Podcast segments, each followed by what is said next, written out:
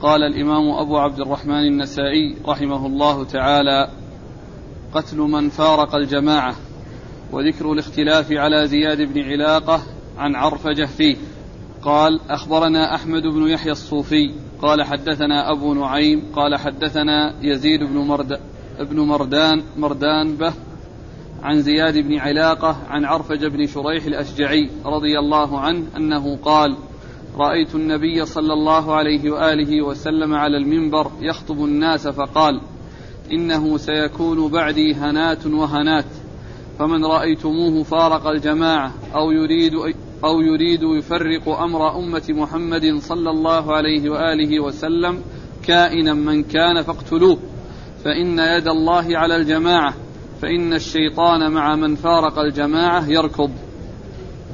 بسم الله الرحمن الرحيم. الحمد لله رب العالمين. وصلى الله وسلم وبارك على عبده ورسوله نبينا محمد وعلى آله وأصحابه أجمعين ما بعد. يقول النسائي رحمه الله قتل من فارق الجماعة. آه قتل من فارق الجماعة يكون مع الارتداد ويكون مع غير الارتداد.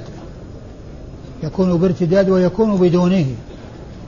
وإذا كان بارتداد فهو الذي سبق أن مر في الأحاديث وأنه لا آه، في الحديث يعني من طرق متعددة لا يحل دم مسلم إلا بإحدى ثلاث. آه، الثيب الزاني والنفس بالنفس والتارك لدينه المفارق للجماعة.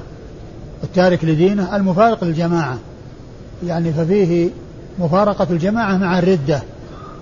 وفيه مفارقة الجماعة مع الاجتماع اجتماع الكلمة واتحاد الكلمة ثم يأتي يريد أن يفرق بينهم ويريد أن يعني آه، يحدث الفوضى والقلاقل والشرور وأن لا ينتظم أمرهم وتفترق كلمتهم. فهذا هو الذي يقتل إذا لم يعني يندفع بدون القتل. إذا لم يندفع بدون القتل فإنه يقتل. وهذا هو المقصود من هذه الترجمة.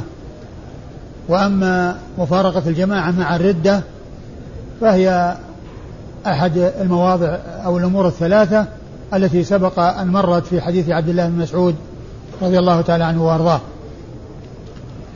أورد النسائي في هذه الترجمة حديث عرفجة بن شريح. حديث عرفجة بن شريح رضي الله تعالى عنه أنه رأى النبي صلى الله عليه وسلم وهو على المنبر يخطب يقول أنه سيكون هنات وهنات يعني أن سيكون شرور وفساد وفتن واختلاف كلمة.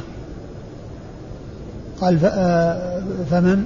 فمن رأيتموه فارق الجماعة أو يريد يفرق أمر محمد أمر أمة محمد صلى الله عليه وسلم كائنا من كان فاقتلوه. فمن رأيتموه فارق الجماعة أو يريد أن يفرق الجماعة آه، فاقتلوه كائنا من كان. يعني أنه إذا خرج على جماعة المسلمين وأراد أن يفرق كلمتهم وأن يحدث الشقاق والفوضى فيهم بسبب بكلمته مجتمعة ويريد أن يخرج عليهم ويحصل آه، بسبب خروجه هذه الشرور والفتن فإنه إذا لم يندفع إلا بالقتل فإنه يقتل. إذا لم يندفع إلا بالقتل فإنه فإنه يقتل. وهذا غير الذي تقدم كما أشرت لأن هناك مفارقة جماعة مع ردة ومفارقة جماعة مع شهوة في النفس ورغبة في التسلط ورغبة في الحظوظ النفسية وهذا هو الذي يعنيه هذا الحديث هذه الترجمة وهذه الأحاديث التي تحت هذه الترجمة. كائنا ما كانش بعدها؟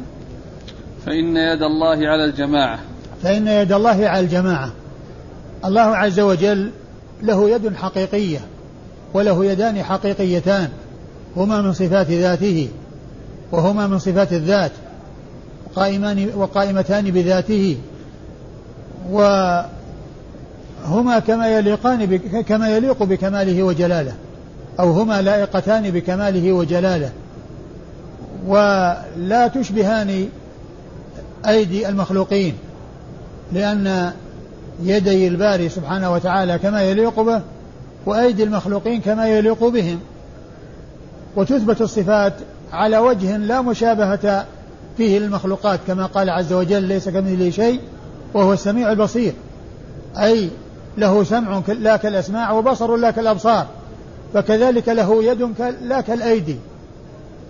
وهناك قاعدتان معروفتان عند أهل السنة في آه، آه، بيان عقيدة سلف هذه الأمة في الصفات وأن الصفات كلها من باب واحد إحدى هاتين القاعدتين القول في الذات القول في الصفات كالقول في الذات. فكما نثبت لله ذاتا لا تشبه الذوات فنثبت له صفات لا تشبه الصفات.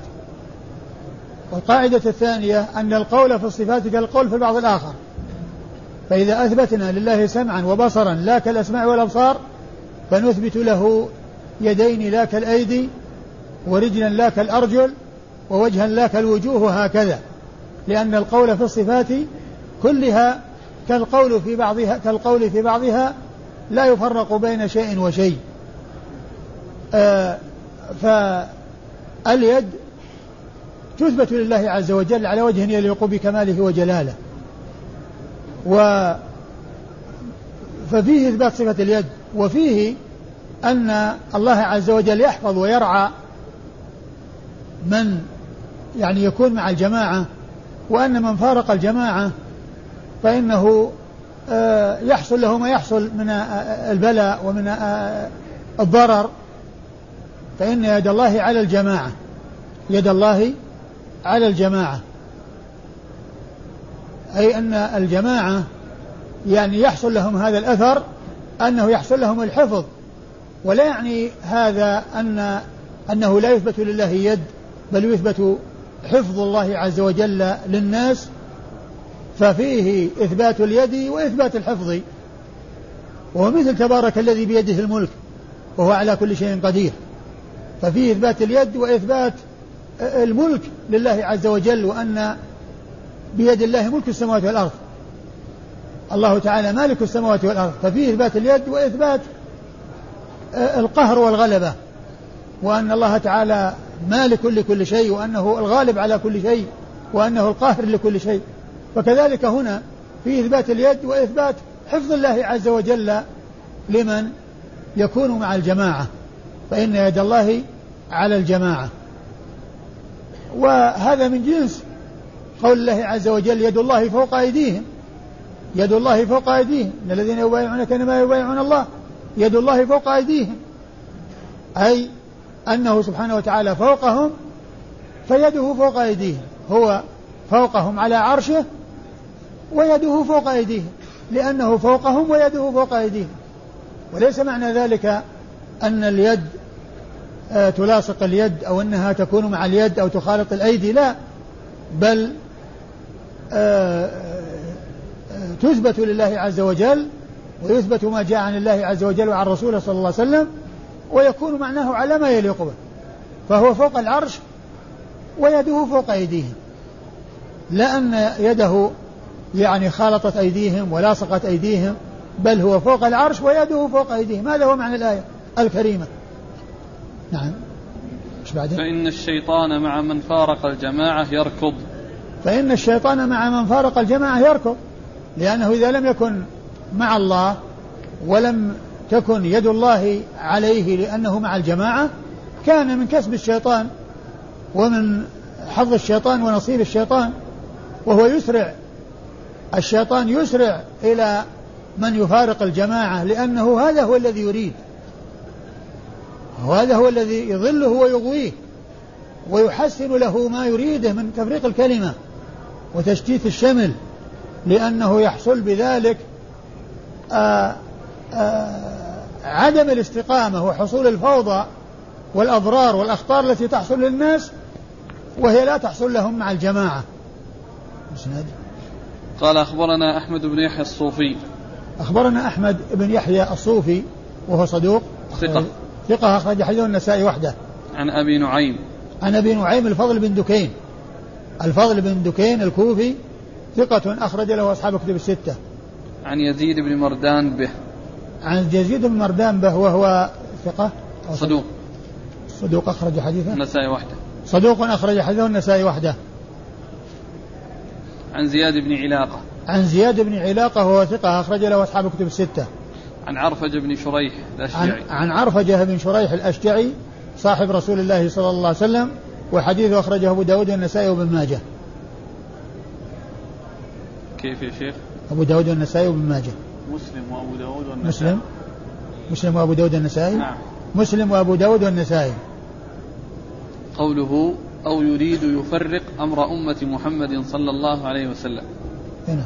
معناه يعني هو مثل يفرق أو يريد أن يفرق. يعني معناه أنه هو ما الأول- فرق.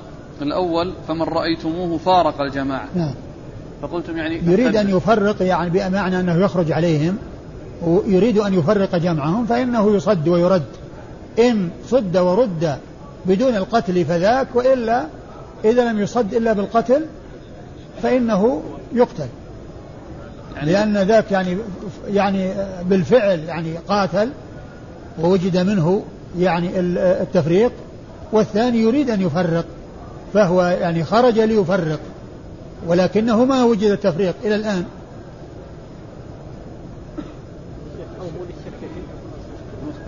إلا يعني في العبارة يعني هذا أو هذا لكن هذا معناها على هذا وهذا. هي أو إما هذا وإما هذا. العبارة جاءت يعني هكذا وهكذا يعني لعلها إما للشك أو للتنويع. يعني معناه أنه فرق بالفعل أو يريد أن يفرق. فرق بالفعل في الجملة الأولى أو يريد أن يفرق. ويحتمل أن تكون للشك. بس الأولى يا شيخ ما فيها فرق. الأولى فمن رأيتموه فارق الجماعة. نعم فارق الجماعة ب آه، يعني ب- ب- بخروجه عليهم وكونه يعني آه، آه، خرج عليهم. وهذا يريد أن يفرق. هل يكون الأول الخ- الردة والثاني الخروج؟ ها؟ الأول ردة والثاني خروج؟ يمكن يمكن. يعني إذا كان يعني لكن بس هنا المقصود بالجماعة المقصود بالجماعة يعني آه، جماعة المسلمين وتفريق كلمتهم. وإذا كان المراد به الخروج يعني كالأول يمكن. لو كان تارك لدينه مفارق الجماعة طبعا يقتل هذا لا شك. لكن إذا كان المقصود به التفريق يعني وهذه المفارقة المقصود بها التفريق فإنه يقتل إذا لم يندفع إلا بالقتل. أما ذاك فإنه يقتل إذا لم يتب اللي هو المرتد المفارق الجماعة. نعم. السيو... قلنا إنه مط... إن فيه شيئان. إذا كان قوله المراد به الحفظ وحده وأن ليس لله يد حقيقية هذا كلام باطل. وإذا أثبت ال- ال- ال- اليد وأثبت الحفظ أثبت أثبت اليد وأثبت أثرها أثبتت الصفة وأثبت أثر الصفة هذا كلام صحيح. يعني لأن الصفة هناك هي صفة و- و- وصفة لها أثر. ومن آثار الصفة الحفظ. ومن آثار الصفة الحفظ. فإذا أثبت الحفظ والصفة لا بأس. أما إذا قيل إن المراد باليد الحفظ وأنه ليس لله يد حقيقية هذا كلام باطل. ها؟ هو ما أشار ما قال عن اليد واليمين ما أشار هنا في السيوطي لا هو قال كناية عن الحفظ. لا ولكن بالنسبة لي للسندي قال يعني ما ما ذكر على إنه هو كناية. لا ذكر ذكر يعني في شيء الحفظ ذكر الحفظ. لا ما ذكر. السندي حتى ما ذكر الحفظ السندي؟ نعم. أظن بالنسبة- ذكره. نعم السندي ذكر الحفظ. هذا. هو. السيوطي ذكر كناية. هذا هو. إذا أريد به الحفظ فقط وليس لله يد حقيقية هذا كلام باطل. وإذا أريد بالله- لله يد حقيقية وحفظ مع ذلك الذي هو أثر الصفة هذا صحيح. هو مثل تبارك الذي بيده الملك. لله صفة اليد وبيد الله الملك. بيد الله الملك. يعني صفة وأثر. فإذا أثبت الصفة والأثر هذا كلام صحيح. وإذا أثبت الأثر بدون الصفة هذا كلام باطل. قال أخبرنا أبو علي محمد بن علي المروزي. آه، هو محمد بن يحيى المروزي لأن في شيوخ النسائي أبو علي محمد بن حرب بن علي المروزي وفيه أبو علي محمد بن يحيى اليشكري المروزي. والذي في تحفة الأشراف الذي في تحفة الأشراف يعني يروي عن عبد الله بن عثمان المروزي هو محمد بن يحيى اليشكري المروزي وليس في تلاميذه محمد بن علي المروزي. ف يعني مقتضى هذا كما ذكره المزي وكما هو موجود في تهذيب الكمال المزي ذكر في التحفة محمد بن يحيى المروزي. ما ذكر محمد بن علي. وعبد الله بن عثمان المروزي في تلاميذه محمد بن يحيى وليس في تلاميذه محمد بن علي. فيعني الذي يظهر يعني يعني كما في التحفة وكما في التهذيب أنه محمد بن يحيى المروزي. وهو ثقة أخرج حديثه البخاري ومسلم والنسائي. قال حدثنا عبد الله عن عثمان. هو عبد الله بن عثمان. عن مصحف عن ابن. عن مصحف عن ابن وهو شخص واحد. وهو عبد الله بن عثمان بن جبلة المروزي. لقبه عبدان. يأتي في بعض الأسانيد عبدان ولا يقال عبد الله بن عثمان. ويأتي أحيانا عبد الله بن عثمان كما هنا. وهو من شيوخ البخاري. ويذكره البخاري أحيانا بقوله حدثنا عبدان. والمراد به عبد الله بن عثمان هذا لأن هذا لقب لقب له. يذكر بلقبه ويذكر باسمه ونسبه. فهو عبد الله بن عثمان وليس عبد, عبد الله ابن عثمان وليس عبد الله عن عثمان كما في الإسناد وإنما هو عبد الله ابن عثمان. فعن تصحفت عن ابن وهو ثقة أخرج حديث أصحاب الكتب إلا ابن ماجه. أصحاب الكتب إلا ابن ماجه؟ نعم. أي نعم. عن أبي حمزة عن زياد بن علاقة عن عرفج بن شريح رضي عن أبي الله حمزة عنه عن أبي حمزة وهو محمد بن ميمون. نحن, ها؟ نحن إلى الآن في المتن. إيه نعم صح. يعني إحنا بدأنا في الرجال. بدأنا في الرجال على شبكة غلط. يعني تصحيح الغلط و فكأننا في الأسانيد. إن شئت ف... لا لا خلينا نكمل ونرجع كالعادة. طيب نعيد.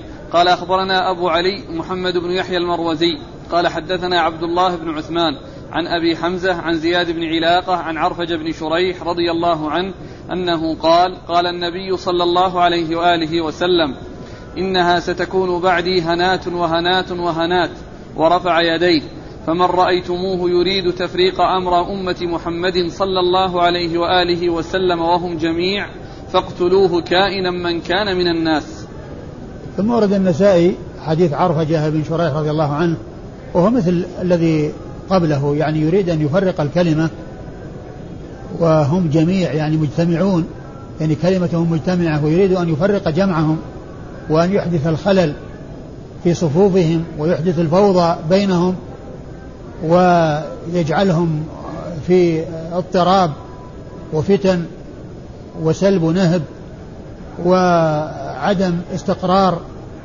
فإنه يقتل ذلك الذي خرج ليفرق الكلمة كائنا أيا كان من الناس. نعم قال أخبرنا أبو علي محمد بن يحيى المروزي. نعم أبو علي محمد بن يحيى المروزي وهو ثقة أخرج حديث البخاري ومسلم والنسائي. عن عبد الله بن عثمان الملقب عبدان ابن ابن جبلة المروزي وهو ثقة أخرج له أصحاب الكتب الستة إلا ابن ماجه. عن أبي حمزة السكري وهو محمد بن ميمون السكري ثقة أخرج له أصحاب الكتب الستة. عن زياد بن علاقة عن عرفجة بن شريح. وقد مر ذكرهما. قال أخبرنا عمرو بن علي قال حدثنا يحيى قال حدثنا شعبة قال حدثنا زياد بن علاقة عن عرفجة رضي الله عنه أنه قال سمعت رسول الله صلى الله عليه وآله وسلم يقول ستكون بعدي هنات وهنات فمن أراد أن يفرق أمر أمة محمد صلى الله عليه وآله وسلم وهم جمع فاضربوه بالسيف. ثم ورد النسائي حديث عرفجة من طريق أخرى وهو مثل ما تقدم. قال أخبرنا عمرو بن علي. عمرو بن علي هو الفلاس ثقة أخرج له أصحاب الكتب الستة بل هو شيخ لأصحاب الكتب الستة. عن يحيى. عن يحيى بن سعيد القطان ثقة أخرج له أصحاب الكتب الستة. عن شعبة. عن شعبة بن الحجاج الواسطي ثم وهو ثم البصري وهو ثقة. وصف بأنه أمير المؤمنين في الحديث وحديثه أخرجه أصحاب الكتب الستة. عن زياد بن علاقة عن عرفجة. عن زياد بن علاقة عن عرفجة وقد مر ذكرهما. قال أخبرنا محمد بن قدامة قال حدثنا جرير عن, زياد عن زيد بن عطاء بن السائب عن زياد بن علاقة عن أسامة بن شريك رضي الله عنه أنه قال قال رسول الله صلى الله عليه وآله وسلم أيما رجل خرج يفرق بين أمتي فاضربوا عنقه. ثم ورد النسائي حديث أسامة بن شريك رضي الله عنه وأيما رجل خرج يريد أن يفرق بين أمتي فاضربوا عنقه. وهو مثل حديث آه، عرفجة بن شريح السابق من الطريقين السابقتين. والإسناد؟ قال أخبرنا محمد بن قدامة. محمد بن قدامة المصيصي وهو ثقة أخرج له أبو داود والنسائي بن ماجه. ثقة أخرج حديث أبو داود والنسائي بن ماجه. عن جرير. عن جرير بن عبد الحميد الضبي وهو ثقة أخرج له أصحاب الكتب الستة. عن زيد بن عطاء بن السائب. عن زيد بن عطاء بن السائب وهو وهو مقبول أخرج حديث الترمذي والنسائي. نعم. مقبول أخرج حديثه الترمذي والنسائي. عن زياد بن علاقة عن أسامة بن شريك. عن زياد بن علاقة مر ذكره عن أسامة بن شريك رضي الله عنه وأخرج حديثه. أصحاب السنن. أخرج حديثه أصحاب السنن الأربعة. قال تأويل قول الله قول الله عز وجل إنما جزاء الذين يحاربون الله ورسوله ويسعون في الأرض فسادا أن يقتلوا أو يصلبوا أو تقطع أيديهم وأرجلهم من خلاف أو ينفوا من الأرض. وفي من نزلت. وذكر اختلاف ألفاظ الناقلين لخبر, لخبر أنس بن مالك رضي الله عنه فيه. قال حدثنا إسماعيل بن مسعود. قال حدثنا يزيد بن زريع.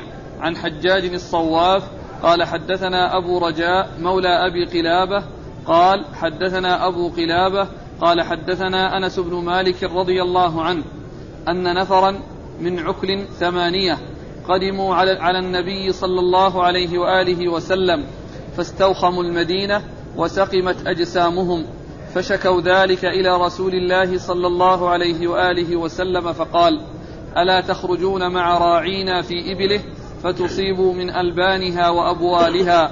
قالوا بلى. فخرجوا فشربوا من ألبانها وأبوالها فصحوا. فقتلوا راعي رسول الله صلى الله عليه وآله وسلم. فبعث فأخذوهم. فأتي بهم. فقطع أيديهم وأرجلهم. وسمر أعينهم. ونبذهم في الشمس حتى ماتوا. ثم ورد النسائي هذه الترجمة وتأويل قول الله عز وجل إنما جزاء الذين يحاربون الله ورسوله. فيسعون في الأرض فسادا أن يقتلوا أو يصلبوا وتقطع أيديهم وأرجلهم من خلاف أو ينفوا من الأرض. وفي من نزلت. المقصود من ذلك بيان معنى هذه الآية وتفسيرها وأنها نزلت في المحاربين الذين منهم هؤلاء الذين أحسن إليهم وقابلوا الإساءة الإحسان بالإساءة. وأورد النسائي حديث أنس بن مالك رضي الله عنه أن نفرا من عكل ثمانية جاءوا إلى المدينة فاستوخموها يعني أنها لم تناسبهم وأصابهم مرض لأنهم كانوا في في ضرع وفي فلات وجاءوا في ريف فما ناسبهم هواؤها وما ناسبهم البقاء بها فحصل لهم مرض فشكوا ذلك إلى رسول الله صلى الله عليه وسلم. فالرسول صلى الله عليه وسلم عرض عليهم أن يذهبوا مع الراعي راعي راعي الإبل. جاء في الأحاديث أنها إبل الصدقة في بعض الأحاديث وأنهم يشربون من أبوالها وألبانها. وهي تناسب وذلك أنه كانوا أهل أهل ضرع وكانوا أهل فلات. فأراد أن يعالجهم بجنس ما هم ألفوه واعتادته أجسامهم ونشأت عليه. فذهبوا وأحسن إليهم الرسول صلى الله عليه وسلم وذهبوا وشربوا من الألبان ومن الأبوال حتى صحوا. ولما صحوا كفروا وارتدوا وقتلوا الراعي ومثلوا به وأخذوا الإبل. فصار منهم منتهى اللؤم. يعني فيهم مرض. أريد علاجهم وإطعامهم والإحسان إليهم حتى يسلموا من المرض الذي هو فيهم ثم يقابلون الإساءة الإحسان بإساءة بل وبإساءة غليظة وشديدة وعظيمة فيها قتل وتمثيل وأخذ للمال. فالرسول صلى الله عليه وسلم أرسل في طلبهم فأتي بهم. فأمر بهم فقطعت أيديهم وأرجلهم من خلاف وسمرت أعينهم بمعنى أنها أحميت المسامير في النار ثم وضعت على أعينهم ثم تركوا في الحرة يعني حتى ماتوا لأنهم فعلوا بالراعي يعني هذا الفعل الذي هو التمثيل فجوزوا بمثل ما حصل منهم وعوقبوا بمثل ما حصل منهم. وهؤلاء هم المحاربون قطاع الطرق الذين يعني يتسلطون على الناس في طرقهم وفي فيأخذون الأموال ويقتلون الأنفس ويزهقون الأنفس. فجاء القرآن في بيان حكمهم وجاءت السنة مبينة لذلك في هذه الأحاديث التي دلت آه هذه الأحاديث على أنها سبب نزول هذه الآية أنها سبب نزول هذه الآية الكريمة. أيوة إيش قال؟ يا شيخ. إيش الألبان والبول. ها؟ الألبان والبول شربها خاص بهؤلاء ولا لا؟ ليس خاصا بهم. يعني من أراد أن أن يتعالج يعني مثلا بها يتغذى باللبن ويعالج بالبول بول الإبل. فذلك صحيح لأن لأن الحديث يدل على أن بول ما يؤكل لحمه أنه طاهر ليس بنجس. لأنه لو كان نجسا ما جاز التطبب به والاستشفاء به. لأن الرسول يقول لا تداووا بحرام. فهو طاهر. والإذن بشربه يدل على طهارته. يدل على طهارته. وفي حكم الإبل كل ما يؤكل لحمه فإن روثه يكون طاهرا وبوله يكون طاهرا. ويدل لهذا أيضا قصة آه، طواف الرسول صلى الله عليه وسلم على بعير. لأنه أدخل البعير المسجد ومن شأن البعير أن أن يبول ويعني يحصل منه الروث. ولو كان يعني بوله نجسا وروثه نجسا ما عرض المسجد للنجاسة. ما عرض رسول الله صلى الله عليه وسلم المسجد للنجاسة. فكل هذا يدلنا على أن بول وروث ما يؤكل لحمه طاهر إذا وقع على الجسم لا ينجسه وإذا شربه آه، آه، آه، البول من احتاج إليه فإنه طاهر.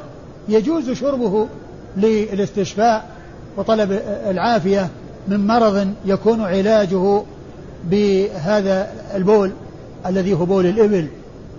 فالرسول صلى الله عليه وسلم أمر بهم فأمر لهم بأن يشربوا من من ألبان هذا الذود ويشربوا ألبان يشربوا ألبانه فيتغذوا بها وأبواله ليستشفوا يستشفوا بها ويتعالجوا بها فحصل منهم ما حصل من الإساءة الشديدة العظيمة.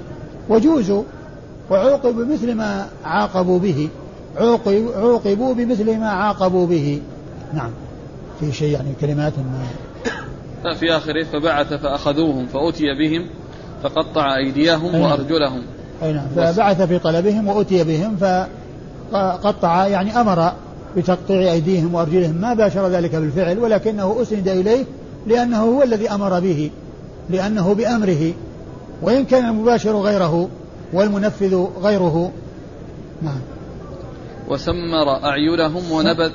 سمر أعينهم يعني أنه أحمى مسامير من الحديد بالنار ووضعها على أعينهم. ونبذهم حتى ماتوا لأن المقصود هو إنهاء حياتهم. لأنه لو كان المقصود يعني بقائهم وأن هذه وأنهم عوقبوا مع بقائهم لا حصل لهم شيء يقتضي ذلك بأن آه، آه، الجرح الذي حصل وهو قطع الأيدي والأرجل يعني يحصل آه، سمله. يعني أو كيه بالنار أو وضع شيء يوقف الدم لا ينزف. ويعني لو كان المقصود بقاؤهم لكنهم قتلوا فقتلوا كما قتلوا. الهيئة التي قتلوا بها قتلوا هم بها جزاء وفاقا. نعم. وفي هذا دليل على أن من قتل يعني قتل بما قتل به. ما لم يكن يعني ذلك أمرا محرما يعني لا يسوغ. ف يعني إنسان يعني كما جاء في الذي رض رأس جارية بين حجرين فأمر برد رأسه بين حجرين. يعني يقتل كما قتل. يقتل كما قتل يعني وفاقا تماما. اللهم إلا إذا كان بفعل أمر محرم لا يفعل به الأمر المحرم وإنما يقتل. هو هم يعني هو ما حرقهم وإنما وإنما يعني فقع أعينهم بحديد محمى في النار. فيعني يمكن أن يكون أن هذا متقدم على النهي عن التعذيب في النار وأنه لا يعذب بالنار إلا رب النار. لكن وفي بعض الروايات فقع أعينهم فقع أعينهم. هم فعلوا في الراوي ذلك؟ نعم هو عمل. بهم على أنهم فعلوا نعم. فقع آه. طيب. قال حدثنا إسماعيل بن مسعود. إسماعيل بن مسعود أبو مسعود البصري ثقة أخرج حديثه النسائي وحده. عن يزيد بن زريع. عن يزيد بن زريع ثقة أخرج له أصحاب الكتب الستة. عن حجاج الصواف. عن حجاج الصواف ثقة أخرج له أصحاب الكتب الستة. عن أبي رجاء مولى أبي قلابة. عن أبي رجاء مولى أبي قلابة هو اسمه سلمان وهو صدوق. نعم. أخرج له البخاري ومسلم وأبو داود والنسائي. البخاري ومسلم وأبو داود والنسائي. عن أبي قلابة. عن أبي قلابة عبد الله بن زيد الجرمي وهو ثقة يرسل كثيرا وحديث أخرج أصحاب الكتب الستة. عن, عن أنس بن مالك رضي الله عنه صاحب رسول الله صلى الله عليه وسلم وخادمه وأحد السبعة المعروفين بكثرة الحديث عن النبي صلى الله عليه وسلم. قال. أخبرني عمرو بن عثمان بن سعيد بن كثير بن دينار. عن الوليد عن الأوزاعي عن يحيى عن أبي قلابة عن أنس رضي الله عنه أن نفرا من عكل قدموا على النبي صلى الله عليه وآله وسلم فاجتووا, فاجتووا المدينة. فأمرهم النبي صلى الله عليه وآله وسلم أن يأتوا إبل الصدقة فيشربوا من أبوالها وألبانها ففعلوا فقتلوا راعيها واستاقوها. فبعث النبي صلى الله عليه وآله وسلم في طلبهم قال فأتي بهم. فقطع أيديهم وأرجلهم وسمر أعينهم ولم يحسمهم وتركهم حتى ماتوا فأنزل الله عز وجل إنما جزاء الذين يحاربون الله ورسوله الآية. ثم ورد النسائي حديث أنس من طريق أخرى وفي أوله اجتووا بدل استوخموا. والمقصود من أنهم يعني أصابهم الجوى وهو مرض يكون في البطن يعني آه يعني بسبب يعني آه تغير آه الحال عليهم من من يعني آه عيش في البر وعلى الضرع ثم جاءوا إلى بلد يعني آه يعني فيه زرع وفيه نخل وكذا وليس كما كانوا كالذي كانوا عليه. فالرسول أراد أن يعالجهم بأن يذهبوا إلى ذلك الذود فيشربوا من ألبانه ومن أبواله وحصل ذلك حتى صحوا وقتلوا الراعي واستاقوا الإبل فالرسول صلى الله عليه وسلم أمر بطلبهم فجيء بهم فأمر بقطع أيديهم وأرجلهم من خلاف وأمر بتسمير أعينهم و ولم يحسمهم. ولم يحسمهم. يعني معناه أنه لما قطع أيديهم وأرجلهم ما حسمهم يعني ما كوى مكان القطع حتى يقف الدم ويقف النزيف أو يضع عليه شيء يوقف النزيف. يعني كما يحصل بالنسبة للذي يقطع في السرقة. الذي يقطع في السرقة يعني تحسم يده. يعني بأن يوضع عليها شيء يمنع الدم من النزيف. لأنه لا يراد قتله. وأما هؤلاء يراد قتلهم. يراد قتلهم. فيخرج الدم حتى يموتوا. لأن المقصود قتلهم لأنهم قتلوا. وفيه قتل الواحد الجماعة بالواحد. لأن هؤلاء قتلوا يعني الراعي وهم جماعة فقتلوا بقتله. نعم. قال أخبرني عمرو بن عثمان بن سعيد بن كثير بن دينار. عمرو بن سعيد بن كثير بن دينار الحمصي وهو صدوق أخرج أخرج حديث أبو داود والنسائي وابن ماجه. عن الوليد. عن الوليد بن مسلم وهو ثقة كثير التدريس والتسوية أخرج حديث أصحاب الكتب الستة. عن الأوزاعي. عن الأوزاعي عبد الرحمن بن عمرو الأوزاعي ثقة فقيه. فقيه الشام ومحدثها أخرج حديثه أصحاب الكتب الستة. عن يحيى. عن يحيى عن يحيى نعم. عن عن من؟ عن أبي قلابة. عن يحيى من هو يحيى؟ بن أبي كثير. يحيى. أظن سيأتي بعد هذا. يحيى بن نعم. أبي هو يحيى بن أبي كثير يحيى بن أبي كثير وهو ثقة أخرج يحيى بن كثير اليمان يحيى بن أبي كثير اليمامي ثقة أخرج حديثه أصحاب كتب الستة. عن أبي قلابة عن أنس. عن أبي قلابة عن أنس وقد مر ذكرهما. قال أخبرنا إسحاق بن منصور قال حدثنا محمد بن يوسف قال حدثنا الأوزاعي قال حدثني يحيى بن أبي كثير قال حدثني أبو قلابة عن أنس رضي الله عنه أنه قال قدم على رسول الله صلى الله عليه وآله وسلم ثمانية نفر من عكل فذكر نحوه إلى قوله لم يحسمهم وقال قتلوا الراعي. ثم أورد النسائي حديث أنس من طريق أخرى وهو مثل ما تقدم أحال على المتن السابق إلا أن إلى إلى قوله ولم يحسمهم وليس فيه ما وراء لم يحسمهم وهو ذكر النزول. وفيه قتلوا الراعي بدل قتلوا راعي رسول الله صلى الله عليه وسلم. لأن اللفظ الذي الذي قبله فيه قتلوا راعي رسول الله صلى الله عليه وسلم. وأما هنا قتلوا الراعي نعم. قال أخبرنا إسحاق بن منصور. إسحاق بن منصور بن بهرام الكوسج ثقة أخرج له أصحاب الكتب الستة إلا أبا داود. عن محمد بن يوسف. عن محمد بن يوسف الفريابي وهو ثقة أخرج له أصحاب الكتب الستة. عن الأوزاعي عن يحيى بن أبي كثير عن أبي قلابة عن أنس. وقد مر ذكر هؤلاء الأربعة. قال أخبرنا أحمد بن سليمان. قال حدثنا محمد بن بشر. قال حدثنا سفيان عن أيوب عن أبي قلابة عن أنس رضي الله عنه أنه قال أتى النبي صلى الله عليه وآله وسلم نفر من عكل أو عرينة فأمر لهم واجتووا المدينة بذود أو لقاح يشربون ألبانها وأبوالها فقتلوا الراعي واستاقوا الإبل فبعث في طلبهم فقطع أيديهم وأرجلهم وسمل أعينهم.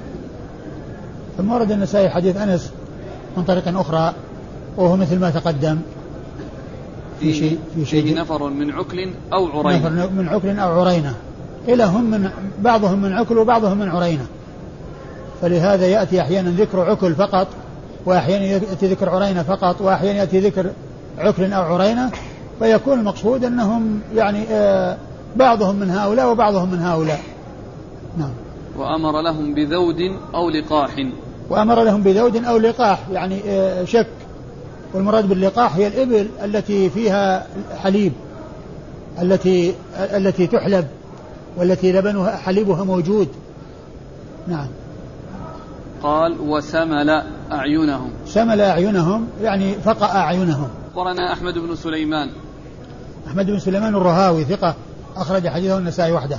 عن محمد بن بشر. محمد بن بشر العبدي ثقة أخرج له أصحاب الكتب الستة. عن سفيان. عن سفيان هو الثوري سفيان بن سعيد بن مسروق الثوري ثقة فقيه وصف بأنه أمير المؤمنين في الحديث وحديثه أخرجه أصحاب الكتب الستة. عن أيوب. عن أيوب بن أبي تميمة السختياني ثقة أخرج له أصحاب الكتب الستة. عن أبي قلابة عن أنس. عن أبي قلابة عن أنس وقد مر ذكرهما. قال ذكر اختلاف الناقلين لخبر حميد عن أنس بن مالك فيه. قال أخبرنا أحمد بن عمرو بن السرح قال حدثنا ابن وهب قال أخبرني عبد الله بن عمر وغيره عن حميد الطويل عن أنس بن مالك رضي الله عنه أن ناسا من عرينة قدموا على رسول الله صلى الله عليه وآله وسلم فاجتووا المدينة فبعث فبعثهم النبي صلى الله عليه وآله وسلم إلى ذود له فشربوا من ألبانها وأبوالها فلما صحوا ارتدوا عن الإسلام وقتلوا راعي رسول الله صلى الله عليه وآله وسلم مؤمنا واستاقوا الإبل. فبعث رسول الله صلى الله عليه وآله وسلم في آثارهم فأخذوا فقطع أيديهم وأرجلهم وسمل أعينهم وصلبهم. ثم ورد النسائي الحديث من طريق أخرى من طريق حميد الطويل عن أنس وهو بطرق متعددة إلى حميد وهو مثل ما تقدم. وهنا في ذكر ذكر عرينة. وفي بعض الروايات عكل وفي بعضها عكل أو عرينة. والتوفيق بينها أنه بعضهم من هؤلاء وبعضهم من هؤلاء. فأحيانا يذكر هؤلاء وأحيانا يذكر هؤلاء وأحيانا يعني يذكر آه الجميع؟ قال فبعثهم النبي صلى الله عليه وسلم إلى ذود له قلتم من قبل ذود الصدقة؟ نعم هو جاء في بعض الأحاديث ذود الصدقة أنها للصدقة. تكون يعني مجتمعة؟ فيكون يعني في يمكن أن يكون يعني له وللصدقة ويمكن أن يكون يعني آه إضافتها إليه لأنه هو القائم عليها والمسؤول عنها.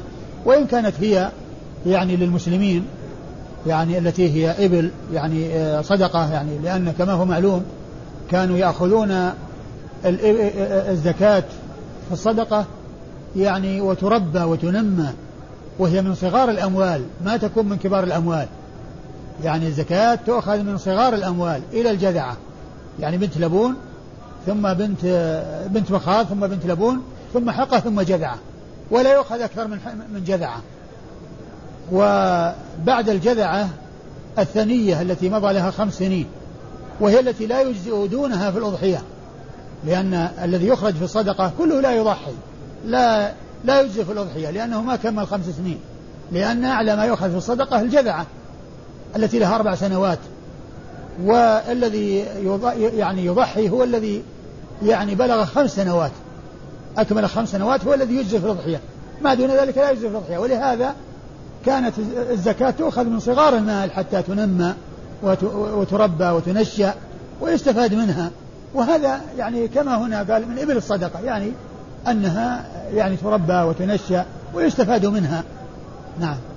فلما صحوا ارتدوا عن الإسلام. ارتدوا يعني مع كونهم يعني أسلموا ارتدوا ومع ارتدادهم قتلوا ونهبوا وسلبوا ومثلوا.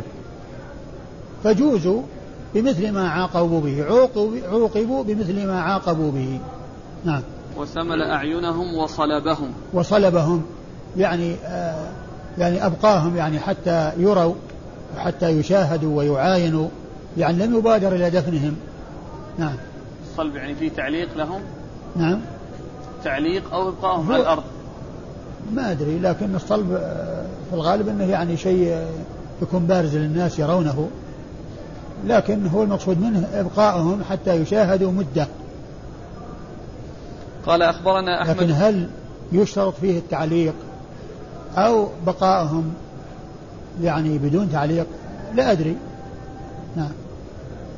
يعني المشهور المصلوب المشهور عند الناس إنه يعني إنه يرفع حتى يراه كل أحد. حتى يراه كل أحد. قال أخبرنا أحمد بن عمرو بن السرح. أحمد بن عمرو بن السرح المصري ثقة أخرج حديثه مسلم وأبو داود والنسائي بن ماجه. نعم. مسلم وأبو داود والنسائي بن ماجه. عن ابن وهب. عن ابن وهب عبد الله بن وهب المصري ثقة فقيه. أخرج له أصحاب الكتب الستة. عن عبد الله بن عمر. عن عبد الله بن عمر العمري وهو ضعيف. أخرج حديثه مسلم أخرج حديث مسلم وأصحاب السنة الأربعة. وغيره عن حميد الطويل. عن حميد الطويل حميد بن أبي حميد الطويل ثقة أخرج له أصحاب الكتب الستة. عن أنس. عن أنس وقد مر ذكره والحديث وإن كان فيه شخص ضعيف ومعه غيره إلا أن الحديث جاء بهذه الألفاظ وبهذا السياق من طرق متعددة بل من يعني بطرق آه، رباعية يعني عالية يعني ليس فيها بين النساء وبين رسول الله عليه الصلاة والسلام إلا أربعة أشخاص. فوجود ضعيف فيه لا يؤثر لأنه ما انفرد وما جاء إلا وما جاء من طريقه فقط. وأيضا معه غيره ممن, ممن لم يذكر. قوله وغيره ما يحتمل عبد الله بن لهيعة هذا هو الغالب لأن النسائي هو الذي يعني آه، يبهمه ولا يعني يسميه. وأحيانا يقول ورجل آخر. نعم. الأخ يقول أن حميد مدلس وهنا قد عنعن وهو من الطبقة الثالثة. وينقل عن الإمام الذهبي أنه لا تقبل روايته إلا إذا صرح بالسماع عن أنس. الحديث في الصحيحين. أقول الحديث في الصحيحين. قال أخبرنا علي بن حجر قال حدثنا إسماعيل عن حميد عن أنس رضي الله عنه أنه قال قدم على رسول الله صلى الله عليه وآله وسلم أناس من عرينة فقال لهم رسول الله صلى الله عليه وآله وسلم لو خرجتم إلى ذودنا فكنتم فيها فشربتم من ألبانها وأبوالها ففعلوا فلما صحوا قاموا إلى راعي, إلى راعي رسول الله صلى الله عليه وآله وسلم فقتلوه ورجعوا كفارا واستاقوا ذود النبي صلى الله عليه وآله وسلم فأرسل في طلبهم فأتي بهم فقطع أيديهم وأرجلهم وسمل أعينهم.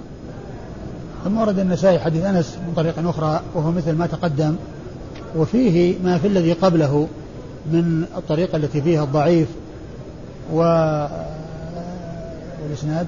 قال أخبرنا علي بن حجر. علي بن حجر بن ابن إياس المروزي السعدي المروزي ثقة أخرج له البخاري ومسلم والترمذي والنسائي. عن إسماعيل. عن إسماعيل بن جعفر وهو ثقة أخرج له أصحاب الكتب الستة. عن حميد عن أنس. عن حميد عن أنس وقد مر ذكرهما. وهذا من رباعيات النسائي. من أعلى ما يكون عند النسائي لأن فيه بين النسائي وبين رسول الله صلى الله عليه وسلم أربعة أشخاص. آه علي بن حجر وجاء وإسماعيل بن جعفر وحميد الطويل وأنس بن مالك. و آه مثل النسائي في هذا أبو داود والترمذي أبو داود ومسلم. يعني مسلم وأبو داود والنسائي هؤلاء أعلى ما عندهم الرباعيات. وأما البخاري عنده الثلاثيات عنده 22 حديثا ثلاثية والترمذي عنده حديث واحد ثلاثي وابن ماجه عنده خمسة حديث ثلاثية ولكنها كلها بإسناد واحد وذلك الإسناد ضعيف. قال أخبرنا محمد بن المثنى قال حدثنا خالد قال حدثنا حميد عن أنس رضي الله عنه أنه قال قدم ناس من عرينة على رسول الله صلى الله عليه وآله وسلم فاجتووا المدينة فقال لهم النبي صلى الله عليه وآله وسلم لو خرجتم إلى ذودنا فشربتم من ألبانها قال وقال قتادة وأبوالها فخرجوا إلى ذود رسول الله صلى الله عليه وآله وسلم فلما صحوا كفروا بعد إسلامهم وقتلوا راعي رسول الله صلى الله عليه وآله وسلم مؤمنا واستاقوا ذود رسول الله صلى الله عليه وآله وسلم وانطلقوا محاربين. فأرسل في طلبهم فأخذوا فقطع أيديهم وأرجلهم وسمر أعينهم. ثم ورد النسائي حديث أنس بن مالك من طريق أخرى وهو مثل ما تقدم. قال أخبرنا محمد بن المثنى. محمد بن المثنى هو العنزي أبو موسى الملقب الزمن البصري ثقة أخرج له أصحاب الكتب الستة.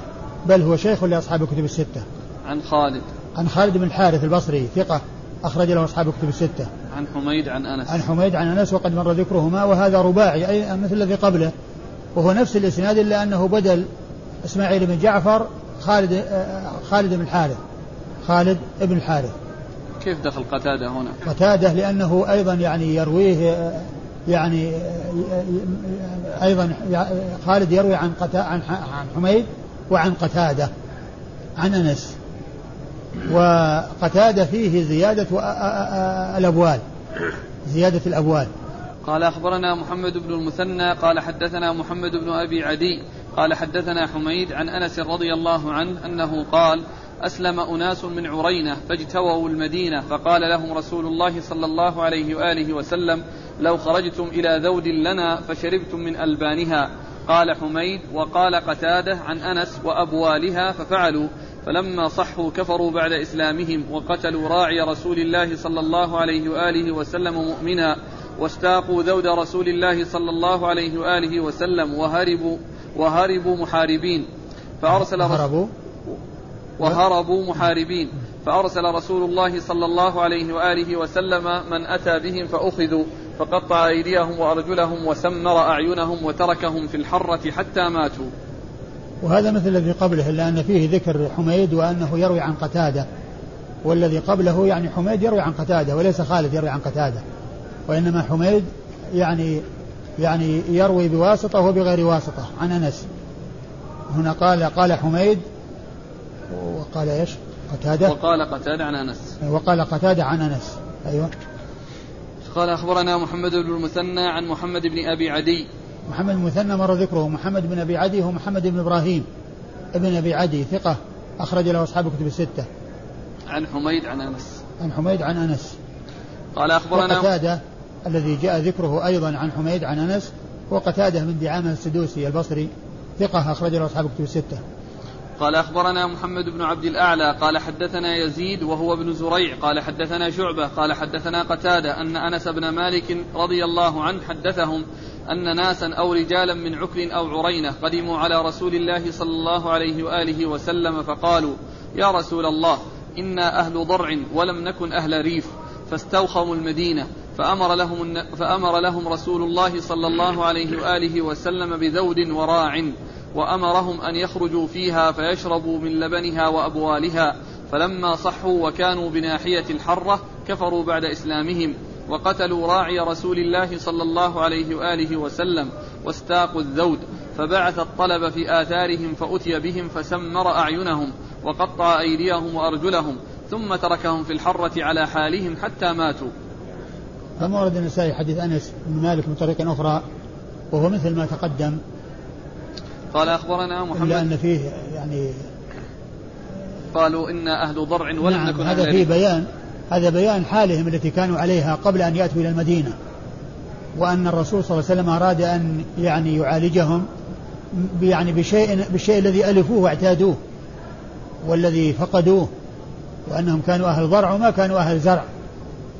فاستوخموا المدينة فالرسول أراد أن يعودوا إلى تلك الإبل أو يذهبوا إلى تلك الإبل ويستفيدوا منها وهو يناسب أجسامهم ويناسب طبائعهم والشيء الذي ألفوه والمآكل التي آه، الغذاء الذي كانوا يتغذون به ويستفيدون منه.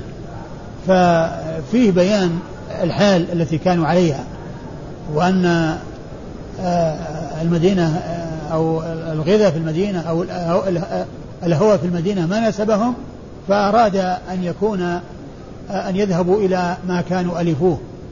وبعدين في شيء آخر. لكن كأنه في ظاهره يقول فأمر لهم رسول الله صلى الله عليه وسلم بذود وراع. بعدين؟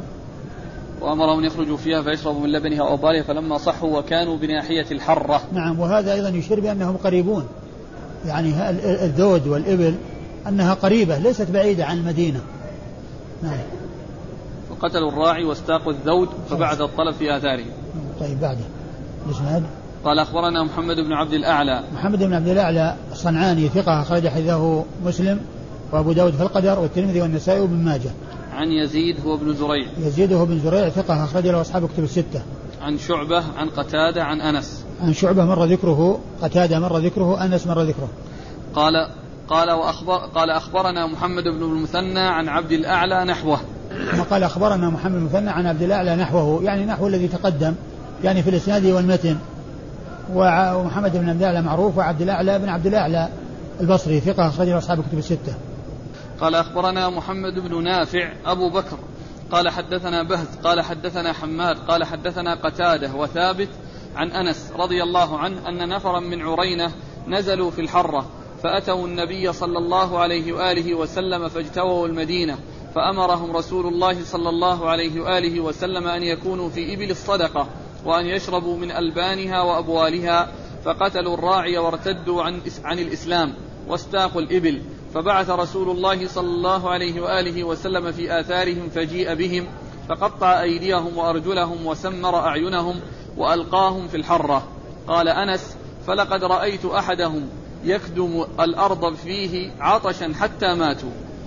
ثم ورد النسائي حديث أنس من طريق أخرى وهو مثل ما تقدم وفي آخره أنه لما تركهم في الحرة يعني ولم يطعمهم ولم يسقهم لأن المقصود هو أن يموتوا. كما مر أيضا أنه لم لم يعني يحسم أيديهم وأرجلهم التي قطعها وترك الدم ينزف لأن المقصود هو موتهم وفناؤهم وانتهاؤهم. وليس المقصود يعني بقاء بقاؤهم لأنهم قتلوا فأريد قتلهم بهذه الهيئة التي قتلوا فيها. نعم. قال أخبرنا محمد بن نافع أبو محمد بكر. بن نافع محمد بن أحمد. محمد بن أحمد بن نافع أبو بكر وهو صدوق. نعم. أخرج له. مسلم والترمذي والنسائي. أخرج له مسلم والترمذي والنسائي. عن بهز. عن عن بهز بن أسد ثقة أخرج له أصحاب كتب الستة. عن حماد. عن حماد بن سلمة ثقة أخرج له البخاري تعليقا ومسلم وأصحاب السنن الأربعة. عن قتادة وثابت. عن قتادة وقد مر ذكره وثابت هو بن أسلم البناني وهو ثقة أخرج له أصحاب الكتب الستة. عن أنس وقد مر ذكره. قال ذكر اختلاف طلحة بن مصرف والله تعالى أعلم وصلى الله وسلم وبارك على عبده ورسوله نبينا محمد وعلى آله وأصحابه أجمعين. لكن يعني كونه يعني تركوا في الحرة يستسقون فلا يسقون ويعني حتى ماتوا يعني أقول فيه معنى الصلب إذا كان المقصود تركهم وإن كان المراد به التعليق فهذا ما في شيء يعني يعني يدل عليه إلا إذا كان معنى الصلب أنه لا بد فيه من هذا فالعبارة هذه إذا كانت صحيحة تدل عليه. جزاكم الله خيرا. نبدأ بسؤال أمس. نعم. نكمل السؤال ولا نعيد من أول؟ تعيد قال جاء في تشهد ابن عمر عن رسول الله صلى الله عليه وآله وسلم أنه قال في التشهد التحيات لله والصلوات والطيبات. السلام عليك أيها النبي ورحمة الله. قال ابن عمر زدت فيها وبركاته. السلام علينا وعلى عباد الله الصالحين. أشهد أن لا إله إلا الله. قال ابن عمر وزدت فيها وحده لا شريك له وأشهد أن محمدا عبده ورسوله. قال بعض أهل العلم في صفة صلاة النبي صلى الله عليه وسلم الشيخ الألباني هاتان الزيادتان وهو من أهل العلم الكبار.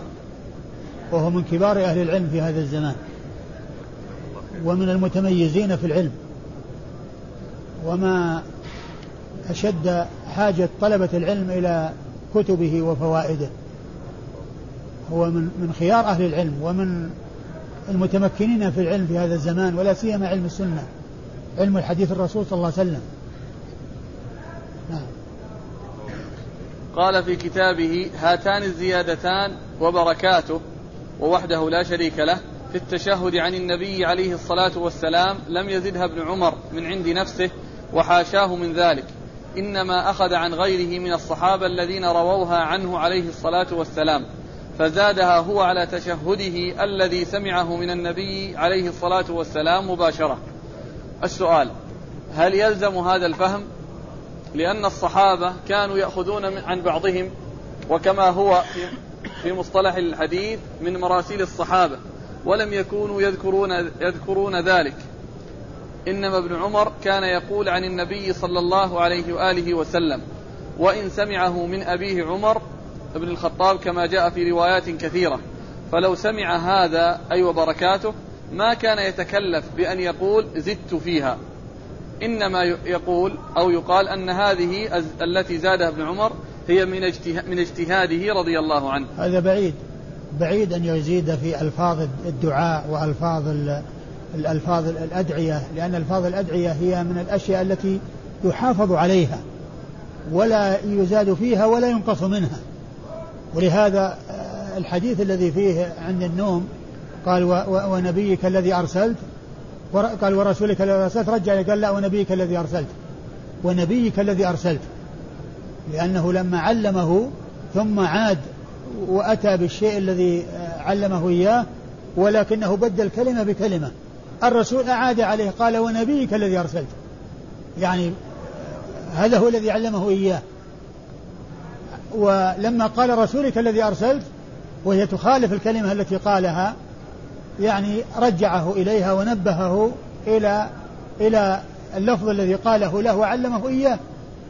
فقول ابن عمر يعني هذا الذي ذكره الألباني هذا هو هو اللائق وهو المناسب.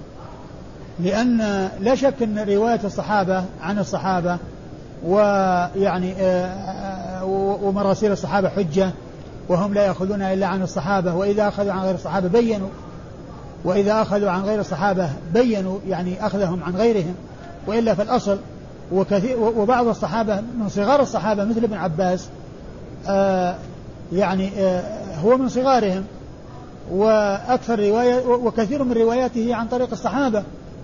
ولا يسميهم وهذا معتبر عند المحدثين.